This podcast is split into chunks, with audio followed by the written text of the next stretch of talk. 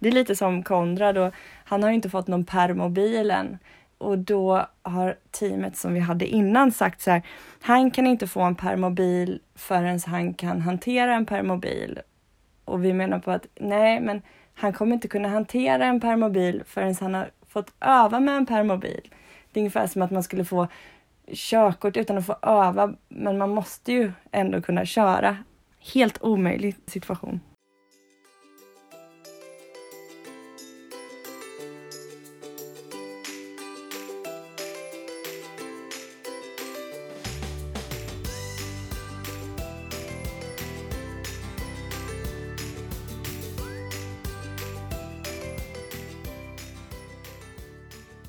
Du lyssnar på Nordlyckans podd avsnitt 38.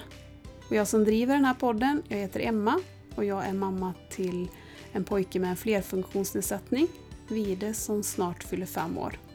Och veckans avsnitt sponsras av Moonkids. Och Moonkids erbjuder välsmakande, mjuka och tuggbara vitaminer för barn. Och de här kosttillskotten de innehåller naturliga aromer och färger från frukt och grönsaker. Och I serien så finns det vitaminer och mineraler och fiskolja. Kosttillskott kan aldrig ersätta en allsidig kost, men vill du lära dig mer om produkterna så kan du gå in på moonkids.se och titta på deras vitaminskola. Och vitaminerna finns såklart att köpa på Moonkids egen hemsida, men även på de flesta apotek och även i utvalda hälsobutiker. Moonkids har också en hudvårdsserie med badskum, hudkräm och kroppsschampo som luktar riktigt gott och de är ekologiska med naturliga ingredienser och tillverkade i Sverige. Så kika in på moonkids.se för apgoda tips.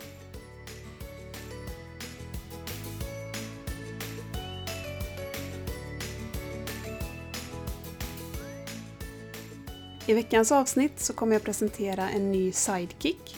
Och min målsättning med den här podden är att man ska lära sig nytt och om man som funkisförälder lyssnar på podden så ska man kunna känna igen sig i någon gäst eller i någon berättelse. Därför hade jag min första sidekick, Angelica, som är mamma till Dalia som har ett sällsynt syndrom precis som Vide. Och sen har Sanna varit med i fyra avsnitt som är mamma till Aron som har en autismdiagnos. Och tanken var egentligen att Sanna även skulle varit med i veckans avsnitt som ett avslutande avsnitt men hon har fått förhinder och därför så välkomnar vi Victoria tillbaka till podden redan nu. Tack så mycket! Och du var med i avsnitt 25 och berättade delar av din resa med din son Konrad. Ja. Så att om man vill lyssna i sig så kan man ju gå tillbaka till avsnitt 25 och lyssna på det. Men du kan ju berätta mm. lite kort vem du är. Ja, jag är eh, Victoria, mamma till Konrad och Baltzar och eh, fru till Håkan. Konrad är min äldsta son. Han har eh, flera olika diagnoser, men bland annat en eh, CP-skada som påverkar hela hans kropp. Sen har han epilepsi och diabetes typ 1 och allt möjligt. Så det är vår familj utanför Halmstad. Man kan väl säga att både Vide och Konrad har ju en flerfunktionsnedsättning fast de har ju olika diagnoser. Vi ja. täcker in väldigt mycket olika här nu. Ja, verkligen. Men man kan ändå märka likheter fastän det skiljer så mycket så kan jag ändå känna igen en hel del när du pratar om, om vide och livet med habilitering och sjukvård och sådär. Ja, mycket blir ju ändå samma. Mm. Jag tänkte vi skulle värma upp lite idag med att prata lite hjälpmedel. Jag tror att många funkisföräldrar tycker att det är lite roligt med hjälpmedel också. Ja, men det är ju det. Man blir ju lite nördig nästan. Ja, Och även fast inte vi använder så här jättemycket hjälpmedel så tycker jag också det är kul att se vad folk har och hur det används. Och saker man kanske tänker att det skulle vi haft innan eller det här kanske vi kan ha längre fram. Och... Ja men exakt. Jag tycker att många idéer på hjälpmedel har jag fått från andra funkisföräldrar man blir ju väldigt intresserad för man vet att man kanske inte serveras allting från habiliteringen. Nu har vi ett jättebra team äntligen som eh, kommer med väldigt mycket nytt men annars så känner man ju att man måste vara lite om sig och kring sig för att liksom få det bästa. Mm. Jag har upptäckt också att det ofta, i alla fall här i Västra Götaland, är ganska hårda regler på vem som får hjälpmedel. Och att eftersom vi då har ett självständigt gående så hamnar han egentligen utanför det. Som att han Mhm. egentligen inte skulle ha fått en rullstol. Okej, för att han kan gå, men han brukar inte gå så mycket så... Nej, så så att även fast han bara går kanske 50 meter som max så skulle han då enligt reglerna inte få en rullstol. Men sen har de ju gjort en specialförskrivning. Så vi har ju en rullstol men det är ju inte så här Ah. raka spåret, det är ju inte så här jätteenkelt då. När han har Nej. vissa förmågor ändå. Men har ni fått stöttning från habiliteringen direkt med att de eh, gör en sån specialförskrivning på det? Eller har ni fått kämpa för det? Inte kämpa direkt men vi har ju fått fråga för det första efter det själva. När vi Mm. tyckte att han började bli för stor. Och sen så var ju premisserna att han skulle kunna visa att han kunde köra den där rullstolen. Annars skulle vi inte fått ut den. Så Okej. det var ju lite pressande Oj. för mig att ha med mig honom på hjälpmedelscentralen och veta att nu måste han liksom visa att han kan hantera den här rullstolen. Jaha, så han var tvungen att kunna köra den själv för att kunna få den? Annars skulle vi få en transportrullstol och då är de ju väldigt klumpiga. Vi vill ju ha en sån här. Pantera-rullstol, en sån lättviktsrullstol som både för att det är enklare för oss att köra och för att han ska kunna köra själv då. Exakt, aha, okej. Ja, nej, det förstår jag verkligen att det var pressande. Det är lite som Konrad och han har ju inte fått någon permobil än. Och då har teamet som vi hade innan sagt så här, han kan inte få en permobil förrän han kan hantera en permobil. Och vi menar på att nej, men han kommer inte kunna hantera en permobil förrän han har fått öva med en permobil. Det är ungefär som att man skulle få körkort utan att få öva, men man måste ju ändå kunna köra. Helt omöjlig situation. Ja, det blir väldigt omvänt. Vilken typ av styrning skulle han ha på en paramobil? Det är väl det som är det svåra och det är det vi eh, jobbar med på sikt, men det är förmodligen en eh, joystick för ena handen då. Mm. Så, men sen är det ju svårt när man har eh, ofrivilliga rörelser och rörelser som inte blir som man har tänkt. För det är klart, då skulle han kanske kunna liksom trycka iväg och bara åka med högsta farten åt fel håll eller så. Så jag förstår ju att man måste kunna hantera det men samtidigt måste man ju få en ärlig chans att och ordentligt öva. Sen tror jag att det finns en hel radda olika sätt att styra, kanske även med ögonstyrning och sånt. Men eh, det verkar inte vara som att det är aktuellt i dagsläget. Nej, jag tänker om det fanns några sådana så här speciallösningar. Och sen måste man ju inte börja köra den mitt ute bland folk det första man gör. Jag har ju sett folk som typ lånar en idrottshall och tränar med Ja. mobilen i. Det är exakt så som vi tänker. Att, jag menar kanske nu när han börjar förskoleklassen till hösten att han kanske inte kan vara med på vanlig idrott. Eller så är han det, jag vet inte riktigt hur de gör. Men att han annars hade kanske fått chansen att, att ha det som övning liksom för honom. Mm. Vi får se. Just nu så tränar han någonting som heter ackaplatta. Det är säkert några funkisföräldrar som sitter och eh, vissa kanske tycker om det, vissa kanske skrattar åt det för att det är en jättestor platta, alltså jättestor platta som du kan placera vilken rullstol eller arbetsstol som helst på. Och sen så drar man eh, en speciell svart tejp över golvet där den här plattan ska kunna köra. Så man liksom gör upp en bana hur den ska köra. Men den är så stor så att det är liksom, den behöver jättemycket plats för att kunna vända. Och sen så får man då öva med olika joysticks för att kunna köra framåt eller bakåt eller välja då om man kanske gör en bana som går till höger och till vänster så kan man välja åt vilket håll man ska köra och så.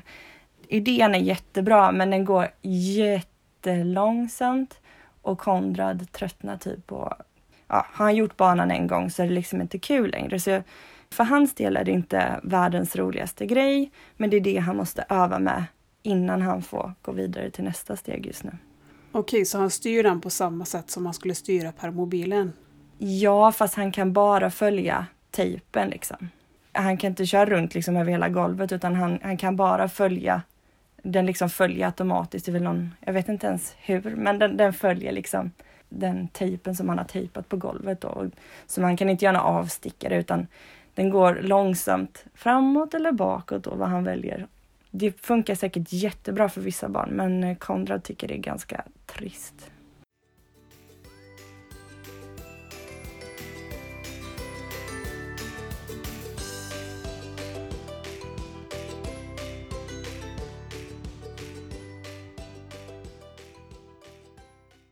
Och vad har ni för rullstol annars?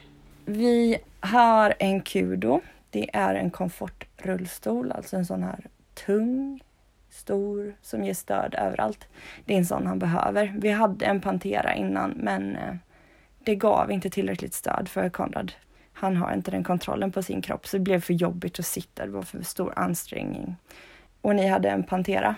Ja, vi har en Pantera. Många har ju precis den rullen som Vide har fast tillbehören brukar se lite olika ut. Ja. Vide har ju på däcken ekeskydd. Så det är en ganska tjock gummikant liksom så att han inte Just ska kunna det. stoppa in händerna i. För jag har sett att en del föräldrar har liksom tejpat för att barnet inte ska komma in. Ja. Men de hjulen blir lite tyngre men det är ju också väldigt mycket säkrare. Ja, för det är ett problem som vi har och som vi hela tiden får ta upp. Ehm, Som sagt, nu är vårt nya team så himla bra så de hjälper oss snabbt, men innan har vi liksom fått tjata om att han, han kan få in sina händer här i, i liksom, och de bara nej men det går inte. Jo, det går. Kolla, han har fått in händerna här flera gånger. Och då var deras lösning inte att sätta något sånt där skydd eller kant, utan de ville sätta handbojor på honom. Ja, det kanske funkar på, i vissa barn. Jag ska inte säga att det kanske är fel på alla, men det funkar absolut inte på Konrad. Alltså, han kände sig så kränkt och eh, det gjorde assistenterna också och vi med. Så vi, vi la undan dem väldigt fort och så fort vi bytte team så, så sa de bara, men herregud, det här ska inte Konrad ha. Det är inte för Konrad. Liksom. Nej, Vi fick faktiskt de här skydden, eller man bytte ju själv hela själva däcket eller hjulet på rullstolen. Och de hjälpmedelsteknikerna där är ju väldigt, väldigt bra i Borås. Jag upplever att de är väldigt tillmötesgående och serviceinriktade så att de sa ju direkt att Tror du han kommer stoppa in fingrarna? Ja, det tror jag. Då byter vi Mm. det direkt. Så det var ingenting som arbetsterapeuten sa. Nej, vad skönt. Ja, men det är så det ska vara. Det var ju skönt att det gick så för er, men jag vet att vi är ganska många som, som inte har haft det så. Känns lite onödig risk. Ja, för jag har fått ganska mycket kommentarer på rullen när jag har lagt ut bilder. Folk undrar vad är det han har på kanten där, så det verkar inte vara standard. Nej, konstigt nog. Men sen har inte vi handbroms på våran och det saknar jag. Det har jag sett att andra har på samma rulle. Nähä. Ja, det är ju nödvändigt för oss, men eh, det är också för att Konrad absolut inte kan köra den någonting själv. Men nu när Vide börjar bli tyngre så det blir ganska tungt att hålla emot i nedförsbackar. Så att Mm. man hade ju behövt ha en broms. Jag tror att det går att lämna in den. Det är bara att vi har inte frågat än. Ja, det ska gå, eller säger jag, men vi hade ju en sån och eh, vi hade ju handbroms på våran, så det borde bara vara ett tillbehör som man kan få. Man borde ha fått det från början. Men... Det kan jag hålla med om. Jag tror att just den rullstolen är för ganska så här självgående barn, har jag förstått det som. Och då liksom är det tillbehör som man får. Men det är jättebra. Det är väldigt bra att ha, det håller jag med om. Man kan lägga in halva bromsen liksom och så går det inte så fort eller blir inte så tungt och så. För Vide är ju duktig på att köra den själv men han kan ju bara köra den på plant. Uppförsbacke blir för tungt och nedförsbacke blir alldeles för farligt. Det förstår jag. Jag tycker faktiskt också det borde finnas sån här säkerhetsarmband på rullstolen till den som kör den bakom. Mm. Jag har faktiskt tänkt på att flytta över, vi har en sån till en av barnvagnarna. För han hjälper ju till ibland, eller han tycker att det är roligt med fart så att om man går i nedförsbacke så kan han ju försöka få rullen att gå snabbare framåt. Jösses. Ja. ja, jag ser bara våra backar här där vi bor. Det hade varit livsfarligt. Nej, vi brukar faktiskt sätta på sånt från barnvagnen. Det går ju att köpa separat, men det borde också vara ett tillbehör som borde finnas på rullstolar för barn speciellt då kanske. För Vide har ju ingen, han förstår ju inte konsekvenserna av att köra ut för en trappa. Till exempel, han tycker ju att det är jätteroligt med fart. För Ja, han blir ju det- vansinnig om man är någonstans och han inte får köra rakt ut. Ja, då kan det ju kanske vara väldigt... Så man får hålla full, full koll på han även om det är roligt att han vill, vill och kan köra den själv också såklart.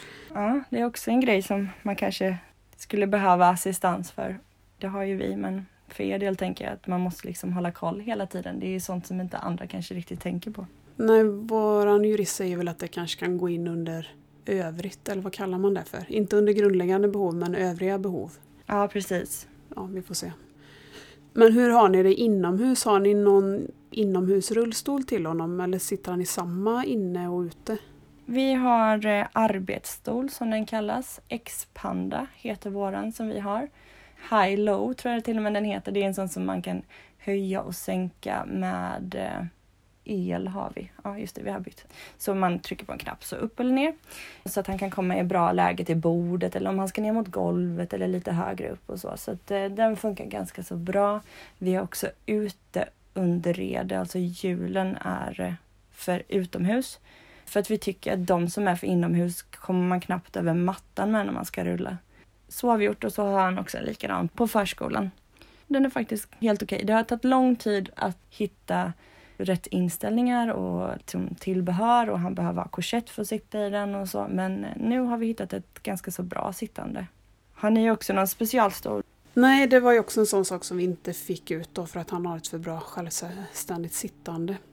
Okay. Jag ångrar ju mig för vi blev ju erbjudna en sån arbetsstol när vi tillhörde barnmottagningen.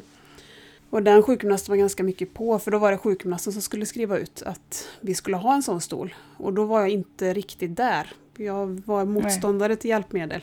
Mm. Nu är det ju tvärtom att man ja. vill ha mer hjälpmedel än man får. Så jag tackade nej till den där stolen. Och det ångrar man ju sen för om vi hade haft en stol så tror jag det varit lättare att bara kanske få en större stol eller fått ändra inställningar på den stolen vi hade. Men vi får se när han blir lite större för att nu sitter han ju på en, det är inte en tripptrapp men den ser ut som en sån stol. Och han har ju varit på väg av den flera gånger.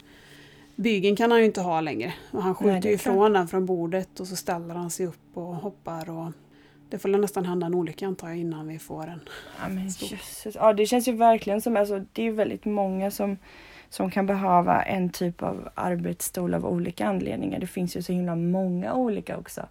Att kanske bara ha något bälte som, som gör att han sitter tryggt och lugnt. Väldigt tråkigt att höra. Den delen har inte vi direkt behövt kämpa så mycket för. Nej, vi hamnar ju lite mitt emellan eftersom Vide har ganska stora motoriska svårigheter men samtidigt är ganska stark i kroppen. Alltså han har ju låg muskeltonus som man jämför med typiska barn men mm. kanske inte om man jämför med ett barn som Konrad till exempel. Så är han ju väldigt stark. Ja, nej Konrad skulle ju inte, han kan ju inte hålla uppe sitt huvud riktigt heller liksom utan han skulle nej. inte kunna sitta. Det finns ingen möjlighet men jag kan tänka mig också att Vide skulle kunna bli ganska trött av att sitta om han har låg muskeltonus så blir det säkert jobbigt för honom också efter en stund. Mm. Och sen är det ju att han inte har den här riskmedvetenheten. Det är väl mycket ofta det som är problemet, ja. att han inte förstår att han kan ramla ner. Sen hade man ju önskat en stol som man kunde klättra upp på själv. För det har de löst mm. så fint på förskolan, för där har han en tripptrappstol och där har de tagit ett extra sånt steg och satt så att han har tre eller fyra steg. Så den kan han, ja, med lite hjälp, men ändå mm. bli lite mer självständig med att han liksom kan kliva upp på den själv. Det kan han ju inte på den vi har hemma. Nej, men eh, när det gäller toalettstol, hade ni en special hygienstol då eller? Nej, där har vi som sitter fast på toaletten. Det är ju som en ställning med handtag på sidorna och framför som man kan fälla fram. Och sen sitter han på en sits som man sätter på själva toaringen. Som är liksom som en grop eller som en skål, lite som en potta fast det är ju hål okay. rakt ner i den. Så ja. det är ganska höga kanter på den. Så en sån har han. Så vi håller ju bara på och flyttar, vi tar ju bara bort den här toalettringen hela tiden fram och tillbaka och det är bara att klicka i den. Jaha, så resten sitter liksom kvar? Okej. Okay. Den funkar bra. Kan ni ha den? Ja, det blir ju nästan som en toaletter på allmänna platser. Så ser ah, den ju ja. nästan ut. Så mm. den går ju att gå på för oss också. Det är bara den här själva sitsen som vi får ta bort. Okej, okay, ja.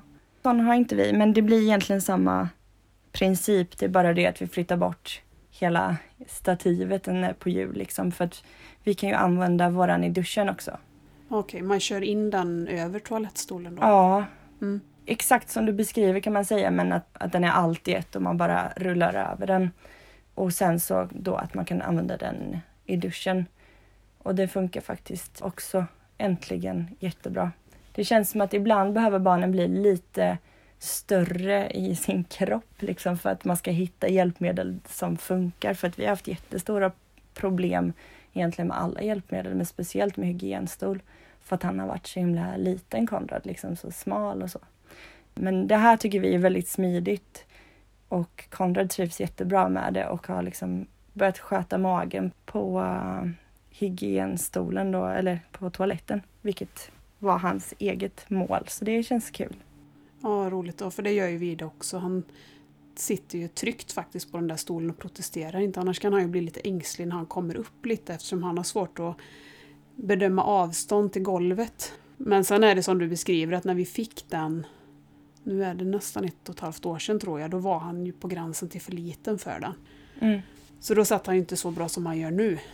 Nej men det är skönt. Här, Konrad behöver ha en som sitter bredvid för han kan, i och med att han inte kan hålla uppe huvudet ordentligt så kan han komma bakom nackstödet i en väldigt farlig position. Så det är det enda negativa men det går nog inte att göra så mycket åt faktiskt.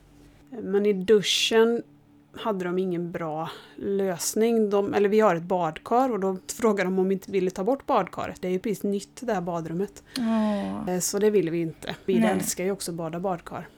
Och då pratade arbetsterapeuten om man kan sätta upp handtag på väggen. Men då ska de ju skruvas fast. Och då sa vi att då kanske vi väntar lite med det tills man kan sätta det i en höjd som kommer passa honom länge.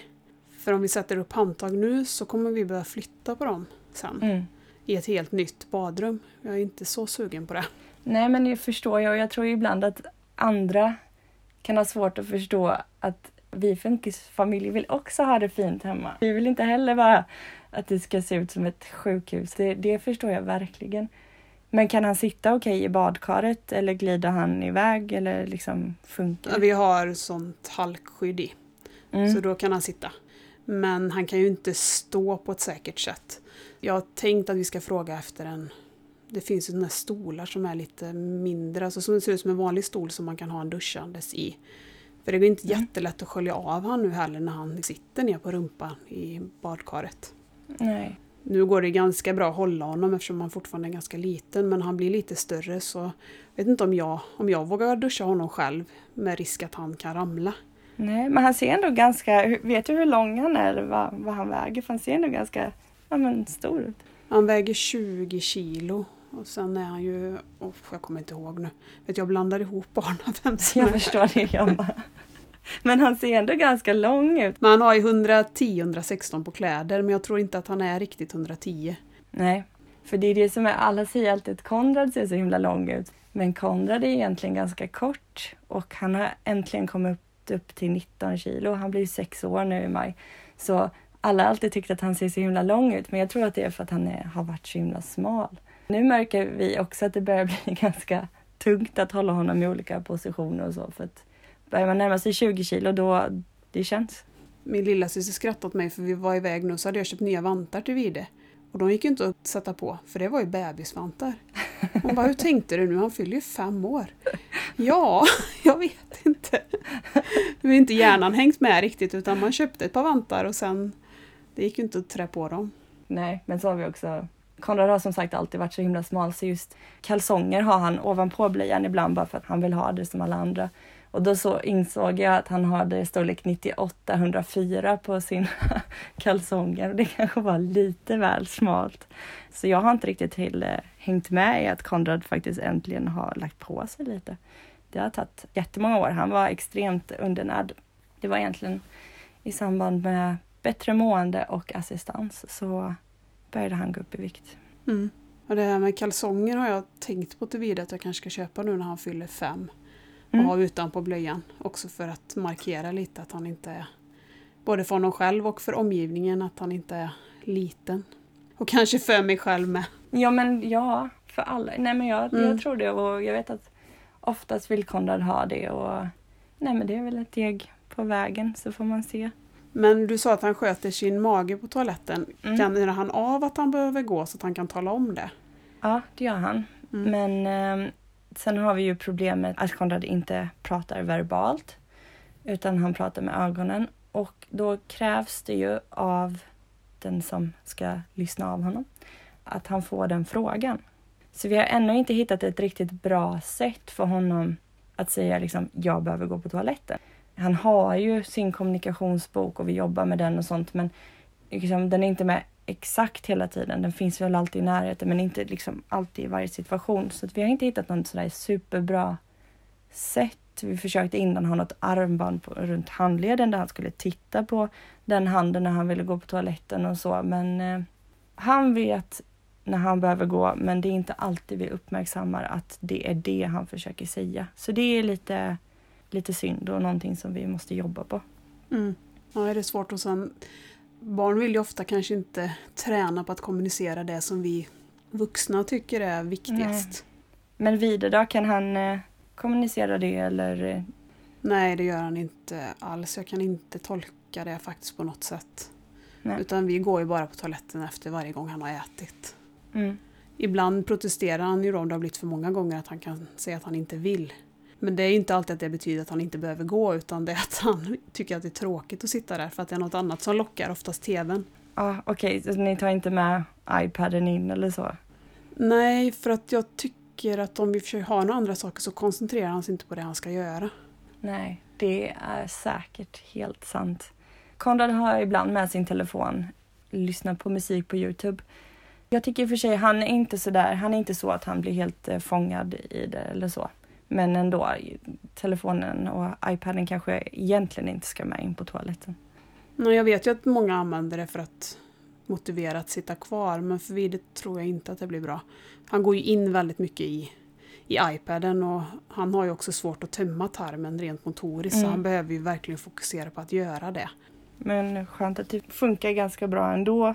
Alltså trivs ändå i situationen. Jag har förstått att ni spenderar ganska mycket tid på toaletten. Ja, det är många timmar på den där pallen. Vi försöker turas om. Man drar typ lott om vems tur det är att sitta där inne. Men kan du låta bli att sitta med din telefon då? För det, där kan jag Nej, nej, det själv går tappa. Nej. Jag sitter ju ofta och dricker kaffe där inne också. Ja. Det är ju en trevlig Ja. plats att dricka kaffe på men Jag skulle nog inte heller ha gjort det innan men jag skulle absolut kunna göra det idag.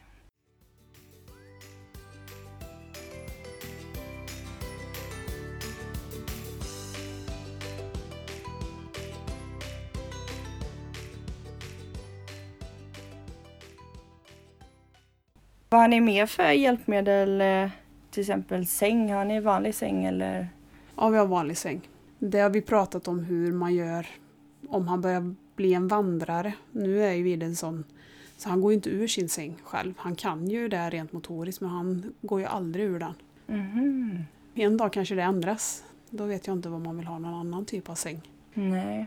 Och liksom inte så att han trillar ur den heller? Nej, det är en juniorsäng med en kant på. Ah, ja, okej. Det ser ut nästan som en spjälsäng fast det är låga spjälor och så är det ju en öppning i fotändan så han skulle ju kunna gå ur den om han vill. Mm. Och hur har Konrad det? Hur sover han? Konrad har en, det är en specialsäng är det.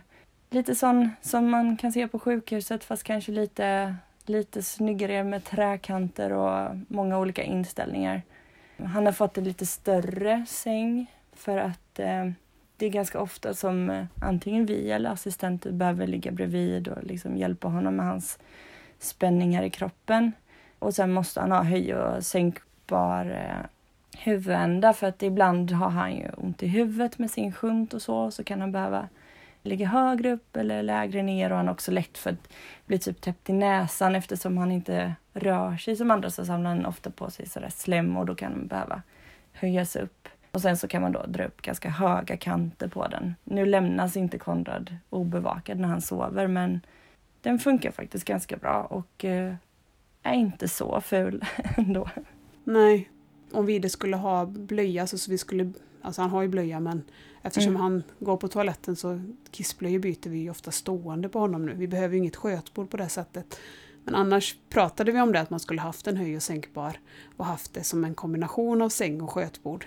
Mm. Nu har det ju gått så bra med toaträningen, mycket, mycket bättre än vad vi någonsin hade kunnat tro så då känns inte det som att det behövs. Det, men det är väl skönt, alltså, även om man vill ha de hjälpmedel som man behöver så vill man ju inte ha fler än vad man behöver. Nu försöker vi komma på någon lösning för att han ska kunna ropa ifrån sängen. Om vi ska sätta upp någon talknapp eller... Ja, Ja, jag vet att många har såna lite mer avancerade baby... Jag undrar om man inte kan få det från habilitering. Som baby watcher som... Jag vet att många har något liknande, även typ tonåringar och sådär. Där de kan trycka på någon knapp som du säger eller så för att eh, det ska komma in till föräldrarnas sovrum, ljudet. Det ska finnas och jag tror att habiliteringen ska kunna hjälpa till med den saken. Ja, jag kanske ska kolla det. För det har jag tänkt på eftersom han inte har förmåga att ropa. För han har ju inget tal men han en del barn kan ju ändå ropa, ha ett Mm. ljud, ett högre ljud och tala om att man är vaken, men det gör ju inte han. Nähä, okej, så att han behöver att det ska tryckas på en knapp då liksom. För han sitter ju bara och väntar tills vi kommer. Jag tror han Ah. skulle nog i stort sett kunna svälta ihjäl i den där sängen. Blir inte ledsen heller så det hörs liksom. Nej, nej. Okej, Så ibland vet man ju inte hur länge han har varit vaken. det vet vi. Konrad skriker alltid så fort eller ropar. Eller, han kan ju inte prata men han hojtar verkligen så. Sen kan ju Vide skrika när han är arg eller ledsen, men han använder inte rösten för att få vår uppmärksamhet. Okej. Inte när han var yngre heller liksom när han var, jag vet inte om han var bebis och. Jo, det måste han ha gjort. Jag Ja, kommer inte ihåg det nu. För han var väldigt nöjd när han var bebis, så han kanske inte gjorde det. det var inte mina kan jag säga. Ja. De skrek sig igenom båda två sina första år så. Mm. Sen Vide började skrika sen. Han skrek ju väldigt mycket mellan ett år och tre år kanske, något sånt. Men eh, inte som bebis tror jag inte han skrek så mycket. Nej. Och i bilen, var ni någon anpassning där? Det har vi. Vi har ju köpt en sån här uh, multivan, har vi, en minibuss. Och eh, den anpassades när Konrad var två och ett halvt år ungefär tror jag. Nu blir han alltså sex. Och då satte man in en sån här, det är en stol som man byter ut hela sätet som kan liksom, vad ska man säga, vridas ut utanför bilen. Och så ska man kunna sätta i barnet i en specialsits och sen så kan man trycka på knappen så vrids den in igen. Sjunker den även ner till backen? Alltså kanske inte helt till backen. Det var faktiskt jättelänge sedan vi använde den för vi plockade ut den ganska så snabbt. Men visst, den kommer ner en bit men nej, inte ner till backen tror jag inte. Men jag vet att det är många som har den lösningen i alla fall. Konrad tyckte för det första att det tog alldeles för lång tid att snurra ut stolen och snurra in stolen. Han hade väldigt dåligt tålamod och hade det ännu mer när han var yngre. Så bara det momentet gjorde att han fick panik och då blev han väldigt spänd så det gick inte att sätta fast honom i bilstolen. Plus att vi måste ha en person som kan sitta ansikte mot ansikte med Konrad och den stolen kunde bara vara framåtvänd. Så han kunde inte sitta baklänges i den. Det vi har fått göra nu är att som tur är det vridbara säten i den här multivanen så att vi har vridit ett av sätena så han sitter liksom ansikte mot ansikte med oss eller en assistent som sitter liksom längst bak där i soffan. Så för att Konrad kräks väldigt många gånger per dag och har ju både då EP och eh, diabetes typ 1. Så att det är väldigt mycket insatser. Bara åka till förskolan på 10 minuter kan man inte ha Konrad obevakad. Jag skulle inte kunna köra bilen och han sitter där bak utan att jag liksom ser honom hela tiden. Senast idag hade jag hubbmöte där vi tog upp det här och så ska vi gå vidare och se om vi kan hitta något nytt bilstöd eller anpassning i vår bil. Mm. Just nu har vi ingen fungerande anpassning i alla fall. Har ni skaffat någon speciallösning eller funkar vanligt? När han sitter i en helt vanlig sån eh, bakvänd bilstol. Men han börjar ju bli för lång för den nu. Och dessutom så är han ju väldigt tung att lyfta upp. Ja, Jag börjar titta på en vanlig framåtvänd stol och det finns ju några ganska smarta lösningar när man som vid ändå är ganska stark i kroppen med för att helst ska man ju inte ha fempunktsbälte när man sitter framåt har jag fått lära mig nu. nej, Det är ju inte speciellt säkert om man skulle krocka.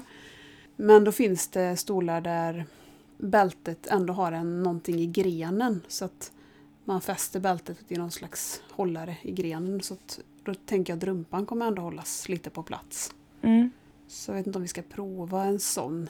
Om också stolen kommer ner lite och det blir lite mer utrymme så skulle han ju kunna med hjälp kanske klättra in. Att han Mm. använder en del av sin egen muskelstyrka för att gå in i bilen ungefär som vi hjälper honom att gå i trappor.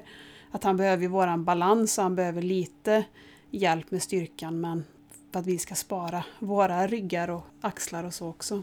jo, det får man ju faktiskt tänka på. Fast det funkar då. Det kanske går att ha någon liten kudde att klättra upp på eller något sånt. Ja, man kanske kan ha något liggande vid fotändan Mm. i bilen som man lägger ut som man kan kliva på. Man får försöka hitta någon sån grej.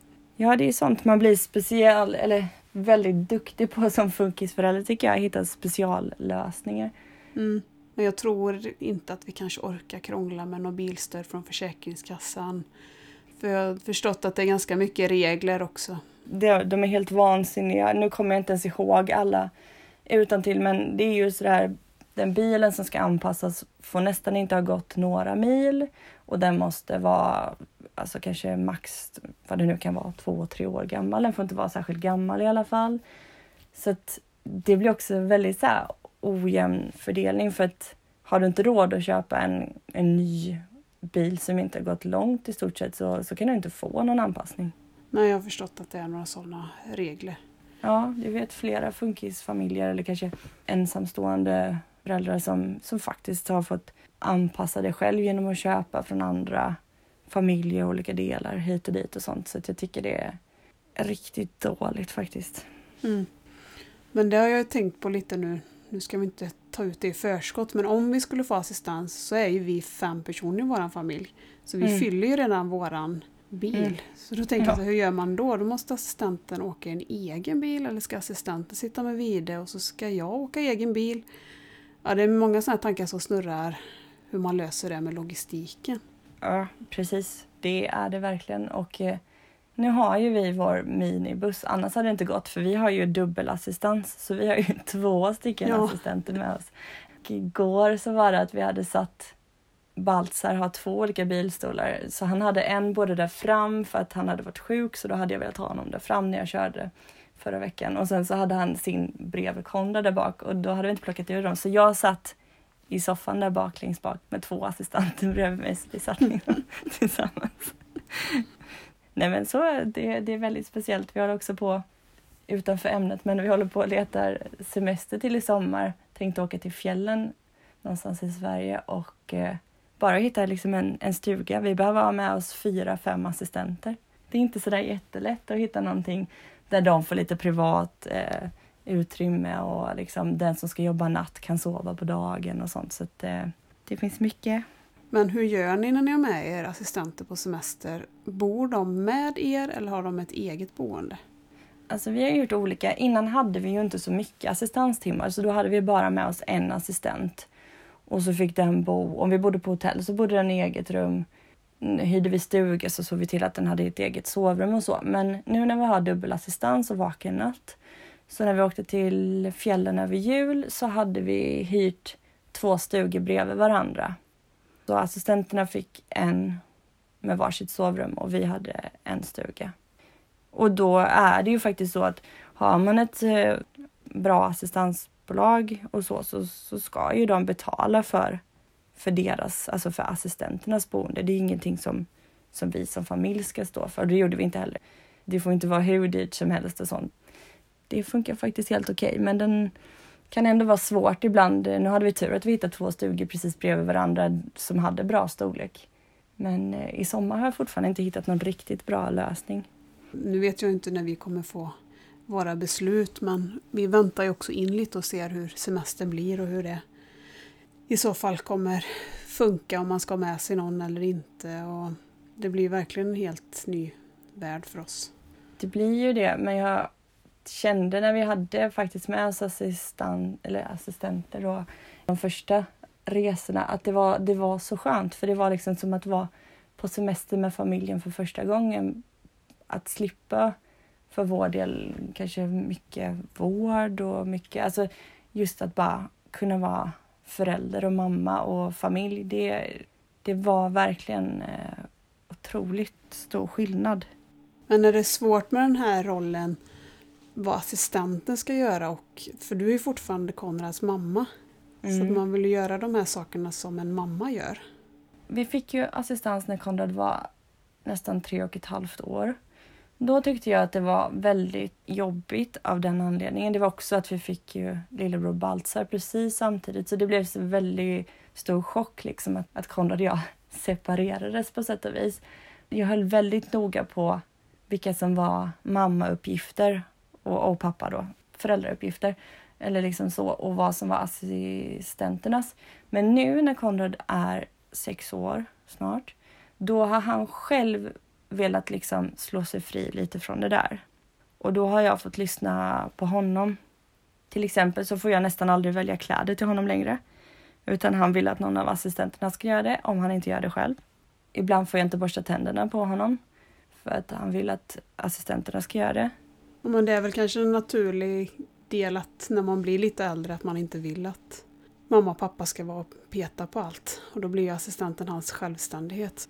Precis, så är det verkligen. Så att eh, man får nog eh, bestämma själv. Man vet ju vad, vad föräldrar brukar göra och sen så får man liksom hitta vad som funkar bäst för familjen och för barnet. Mm. Jag tänker ibland att vi det måste bli ganska trött på oss också. Ja. För han har ju oss på sig hela tiden. Han får aldrig vara ensam. Nej men precis, så, så är det verkligen med Konrad också. Just jag är inte så prioriterad just nu så jag får vara glad om jag får lite gos eller liksom om jag får borsta tänderna på honom eller välja kläder och sådär. Visst, det blir ett jättespeciellt liv men jag tycker att man kommer in i det. Eller vi har i alla fall kommit in i det och vi har hittat helt fantastiska människor. Så Konrad är ändå berikad med väldigt många fina vuxna. Nu tror jag att jag är i en sån här fas att jag ser alla farhågor. Dels att vi ska få avslag men också alla problem som kommer uppstå. Det blir kanske lite lättare om man har ställt in sig på att det kommer bli krångligt och svårt. Och så kommer det antagligen bli väldigt mycket lättare än vad jag föreställer mig det nu. Precis, det är nog bra att tänka igenom vissa saker. För vi trodde nog att vi skulle få avslag, även om vi var i jättestort behov av assistans så trodde vi nog det. Så jag hade inte tänkt så jättemycket på det mer än att jag verkligen var i skrikande behov av det. Så det var väldigt många grejer som, som jag inte hade tänkt på med, ja men som vi pratade om förra gången, typ var de ska hänga sin jacka eller nej, men så, allting sådana här små grejer Eller hur man gör med olika situationer. Så att jag hade inte tänkt igenom nästan någonting och det blev inte jättebra i början heller. Så det har verkligen tagit tid för att det ska bli så bra som det är nu. Mm. Och i början var jag ju också, det rekommenderar jag inte, att vara arbetsledare själv som förälder. För att mitt liv blev så mycket bättre när jag slapp den delen. Då har vi en av assistenterna som är arbetsledare så att jag tar, jag tar inga konflikter med assistenterna utan det får, det får arbetsledaren göra om det är någonting som dyker upp eller går snett eller så. Vi har ju bytt bolag nu men det första bolaget skickade hem det var massa olika papper vi skulle skriva på och då har de bland annat skrivit att vi som föräldrar skulle ha hand om APT. Eller APM Mhm. eller vad man nu kallar det. Och Mm. då kände jag direkt att nej, det vill jag inte. Det kändes inte som en föräldrauppgift heller. Nu vet ju att många jobbar som assistenter till sina barn och sådär men om man inte vill göra det utan man liksom tänker att man ska vara förälder och ha assistenter som är några andra, då tror jag att man ska vara väldigt noga med att inte bli liksom pålurad en massa uppgifter som ska vara föräldrarnas, typ lägga schema och sådana grejer. För det är, det är ingen föräldrauppgift. Det är inte sånt som andra föräldrar sysslar med hemma utan jag gjorde väldigt mycket i början och jag höll verkligen på att gå in i väggen fullständigt. Och det var små bråk och det var den kvarten hit eller det var det och det var ja, det väldigt mycket och det tärde väldigt hårt på mig. Och gjorde mig, tycker jag, till en sämre mamma för jag var liksom så fokuserad på schemat och vem som skulle hoppa in och hej och hå så att jag hade liksom inte riktigt rätt fokus hemma kände jag. Nej. Vi skickar ju alla våra intyg till det här nya bolaget och det känns alltid lite nervöst när någon ska bedöma intygen. Men eh, den nya juristen skrev tillbaka att kommer inte ihåg exakt ordalydelse men att det är självklart att vi ska få assistans. Sen Mm. kanske han inte kommer få det via Försäkringskassan men att det är ett kommunbeslut. Sen är det ju det här med grundläggande behov att vi har väl väldigt mycket övriga behov. Så det gäller ju att komma upp i de här sju, åtta timmarna grundläggande. Ja, precis. Det har Konrad jättemånga just grundläggande behov, men jag förstår ju att vi också behöver assistans och att ni borde ha rätt till det. Så jag hoppas verkligen att ni får det, men ja, man tar ju ingenting för givet Nej, i dessa nej, nej. tider. Jag tar inte ut det i förskott men måste ändå våga också lite mentalt förbereda sig på hur, hur det skulle bli och Absolut. Får man inte första gången så till slut tänker jag att man får det. Vi höll ju på ett tag innan vi fick det, men då var ju också Konrad så mycket yngre. Men jag tänker att det är väl jättebra att ställa sig in på det för att det är ett speciellt liv och det är så himla mycket att tänka på. Ja, det blir ju vårt liv. Även om inte det blir i år så blir det väl kanske nästa år då. För det är ju sex Mm. år som man kan räkna kommunikation som grundläggande behov. Så att Ja, nästa år så får han ju fler timmar bara på kommunikationen. Precis. jag tror det här föräldraansvar Mm. minskar också lite vid sex år har jag för mig. Och även vid fem år Ja, sa det, de faktiskt. Mm. Men sex år är nog en tydligare gräns. När jag pratade med henne då på det nya bolaget så sa hon att det är bra att han fyller fem. Ja, just det. Det känner jag igen att vårt bolag också sa. För jag frågade faktiskt om vi skulle vänta ut femårsdagen eftersom vi fyller slutet på april. Mm. Men det tyckte de inte att det ska behövas. De sa att om det är så att kommunen skulle trilskas med åldern så är det bara att skicka in exakt samma ansökan igen fast på hans femårsdag i så fall. Ja, precis. Så vi ska inte behöva vänta ut de två månaderna. Nej, jag tror också vi sökte innan det han innan han blir fem år. Ja, nej men precis. För beslutet kommer ju komma efter han blir fem så då borde ju det räcka.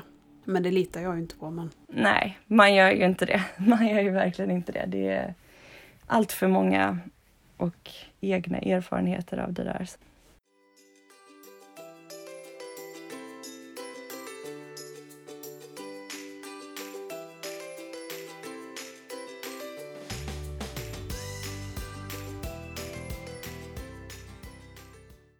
Ska vi ta lite hjälpmedel till? Jag tror vi har typ inte betat av mer än hälften kanske än. Eller?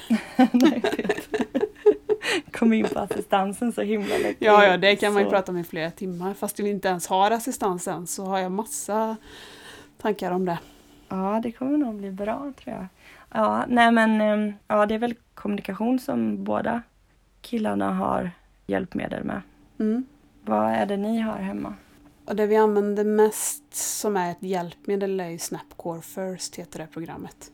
Och så Mm. har vi en, deras, det här företaget heter ju Tobii Dynavox och de har egna samtalsdatorer. Alltså det är ju en Windows-dator men den är gjord för att vara en samtalsapparat så att den högtalaren, ljudet går utåt och den ska tåla att tappas och tåla vatten. Man ska kunna ha den utomhus. Jaha, okej, vad bra. Vi har ju den på rullen också. Vi har fått ett stativ till den så att vi kan ha den på rullen. Mhm. Men hur stor är den? Nej, som en iPad. Mm. Det är väldigt mycket är ju färdigt redan från början så man behöver inte lägga in så mycket. Sen har vi ju anpassat den efter vide men många sidor ska man inte ändra på. Så på första sidan är det mycket jag, du, den, mer, inte, vill. Så man tänker så som ett litet barn lär sig prata att man kan kombinera alla de här orden till massa olika saker. Jag vill inte, vill du. Alltså man kan ju säga jättemycket bara med de första sidan.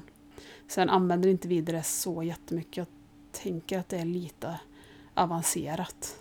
Han trycker mycket på saker han vill äta, böcker och filmer som är hans intresse. Bowlingsidan är han inne mycket på för jag tycker han är roligt med bowling. Mm. Så han pratar ju om väldigt så specifika grejer med den.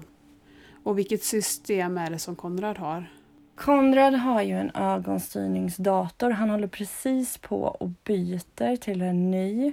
Men det blev Grid. Det finns Tobii och Grid att välja på, tror jag att jag säger rätt nu. Men det är Grid som han ska ha.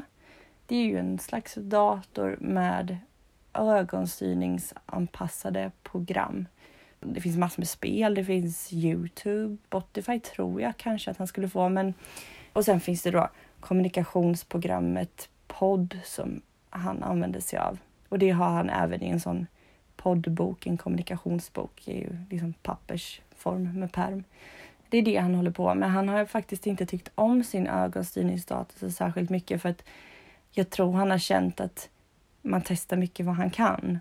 Det är mycket så här inför skolan. Eh, antingen tröttnar han fort på de olika eller så är det liksom att han ska testas med memory eller liksom olika grejer. Så att eh, han har inte tyckt om så där jättemycket att vara inne i ögonstyrningsdatorn utan då har det varit Youtube som han tycker är roligast. Och lyssna på musik eller ja, sådär. Nu har han ju börjat använda den här podden i pappersform ganska mycket. Och då tror vi också att när han får sin nya ögonstyrningsdator så kommer han att kunna det ganska så bra och eh, också använda sig av det. Vi är på gång där, men han är, han är van vid att kommunicera med ögonen med olika alternativ som han får av oss och assistenter och resurser. Så att han tycker det är en liten genväg att göra det så att vi får liksom hela tiden styra honom över till de här hjälpmedlen då. Nej, det är podd har jag hört lite om och blivit nyfiken på. Nu kan ju inte vi, vi kan inte byta system. Man får hålla fast vid det systemet man redan har valt men jag tycker det låter intressant också just där man bläddrar vidare och Ja, det är väldigt avancerat tycker jag. Första sidan är också, eller de första två sidorna är mycket sådana här bilder eller liksom ord som man använder ofta lite så som du sa. Och sen så kan man då klick, klicka vidare, säga, men, men liksom säga vidare vad man vill gå till, olika kategorier och så, så säger man vidare där så kommer man till mer och mer detaljerat då.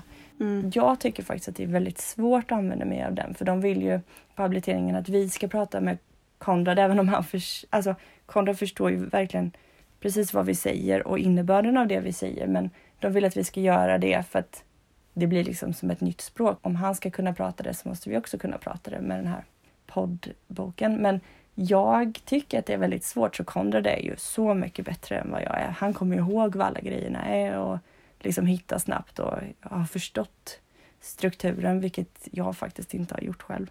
Så den är krånglig, men eh, jag tror den är jättebra på sikt. För att han börjar komma upp i en ålder där han behöver fler alternativ och kunna uttrycka mer detaljerat liksom.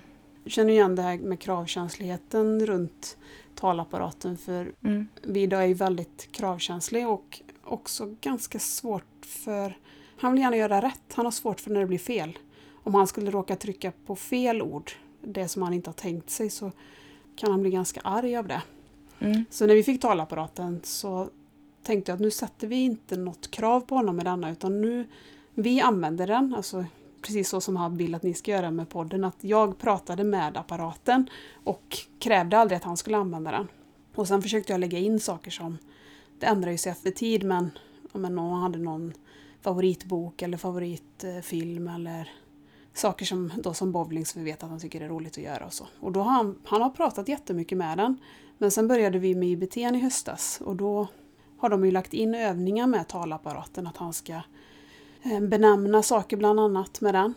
Mm. Och desto mer krav det har blivit på talapparaten desto mindre har han använt den spontant. Ja, det där känner jag igen. Så det blir lite bakvänt nästan att vi tränar mer med den aktivt och då använder han den mindre. Ja, jag skulle säga att det är samma sak här. Det kanske inte är så konstigt. Det kanske inte blir samma roliga koppling till dem längre utan mer krav. Mm. Sen lär han ju sig den så jag hoppas ju att det kanske lossar för han igen. Sen har han ju börjat teckna lite mer och då väljer han nog tecknena framför att använda talapparaten. Ah, men det är ju jättekul. Ja, det är jätteroligt nu när han gör det. Men sen hittar han ju på lite egna och då får man ju klia sig i huvudet och fundera på vad säger han nu? Ni kommer ju hitta ert sätt där. Ni kommer veta vad han menar med de olika tecknen på sikt, tänker jag. Mm. Nu i helgen så tecknade han ju en fyraordsmening med tecken. Det var ju helt fantastiskt. Oj, vad sa han? Ja, men han tecknade hämta eller hjälpa då, hur man tolkar det och så pekar han på sig, så jag och så mer och så kaka. Så det är ofta... Det är ju kopplat till någonting som han verkligen vill ha, oftast ätbara saker. Då. Sen kommer det ju bara en gång, det är inte så att han kan prata fyra meningar eller fyraordsmening hela tiden, men han har ju ändå det i sig då. Det är väldigt roligt när han plockar fram det. För på IBT nu så har vi kommit så långt så att vi har börjat med lite finmotorik. Och det har jag ju tänkt att det inte är möjligt med vida att träna finmotorik. Att Mm. dit kommer vi inte komma. Och så har vi hållit på med det här nu i sex månader och så har de redan gett oss det. Aha, vad kul. Så det har gått så mycket framåt. Mm, det går väldigt mycket snabbare framåt än vad vi trodde. Så då är det väldigt enkel finmotorik. Peka, tummen upp, typ sätta pekfingrarna mot varandra, peka in i handflatan. Sådana saker är det. Men vissa Mm. saker löser han faktiskt och han börjar, tror jag, se skillnad på tecknarna då att han med kaka så tecknar han liksom med ett finger in i handflatan och om det är macka eller smörgås så tecknar han liksom med flera fingrar och drar. Wow. Jag tror att han också börjat uppfatta att aha, de är inte likadana. Annars har väldigt många tecken sett exakt likadana ut som man bara får tolka efter situation. Ja, det är som att han börjar höra nyanserna i tecknen. Det är kul när man inte bara har motgångar, när det går liksom framåt.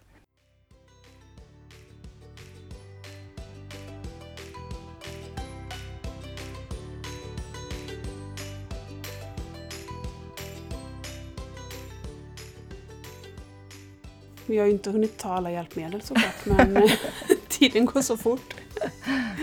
Ja, Vi ska ju prata fler gånger så vi hinner ta dem en annan gång. ja men precis. Det finns en del att gå igenom. Vi avslutar väl här då. Så Ja, hörs vi om två veckor igen. Ha det så ha bra. det så fint. Hej då! Hej då! Victoria hittar du på Instagram under namnet Kalasklister. som i Konrads kalasklister. Och Nordlyckan hittar du också på Instagram och på Facebook. Och om Nordlyckans podd är viktig för dig och du vill stötta podden så kan du registrera dig på patreon.com nordlyckan och som Patreon kommer du inom kort få tillgång till exklusiva avsnitt med funkisfakta. Så håll utkik, jag kommer snart avslöja vilka ämnen som avsnitten kommer innehålla. Och glöm inte bort Nordlyckans sponsor Moonkids som erbjuder vitaminer för barn och även en hudvårdsserie. Du kan läsa mer på moonkids.se. Nästa vecka är jag tillbaka med en ny spännande gäst och den här gången ska vi prata om synnedsättningar.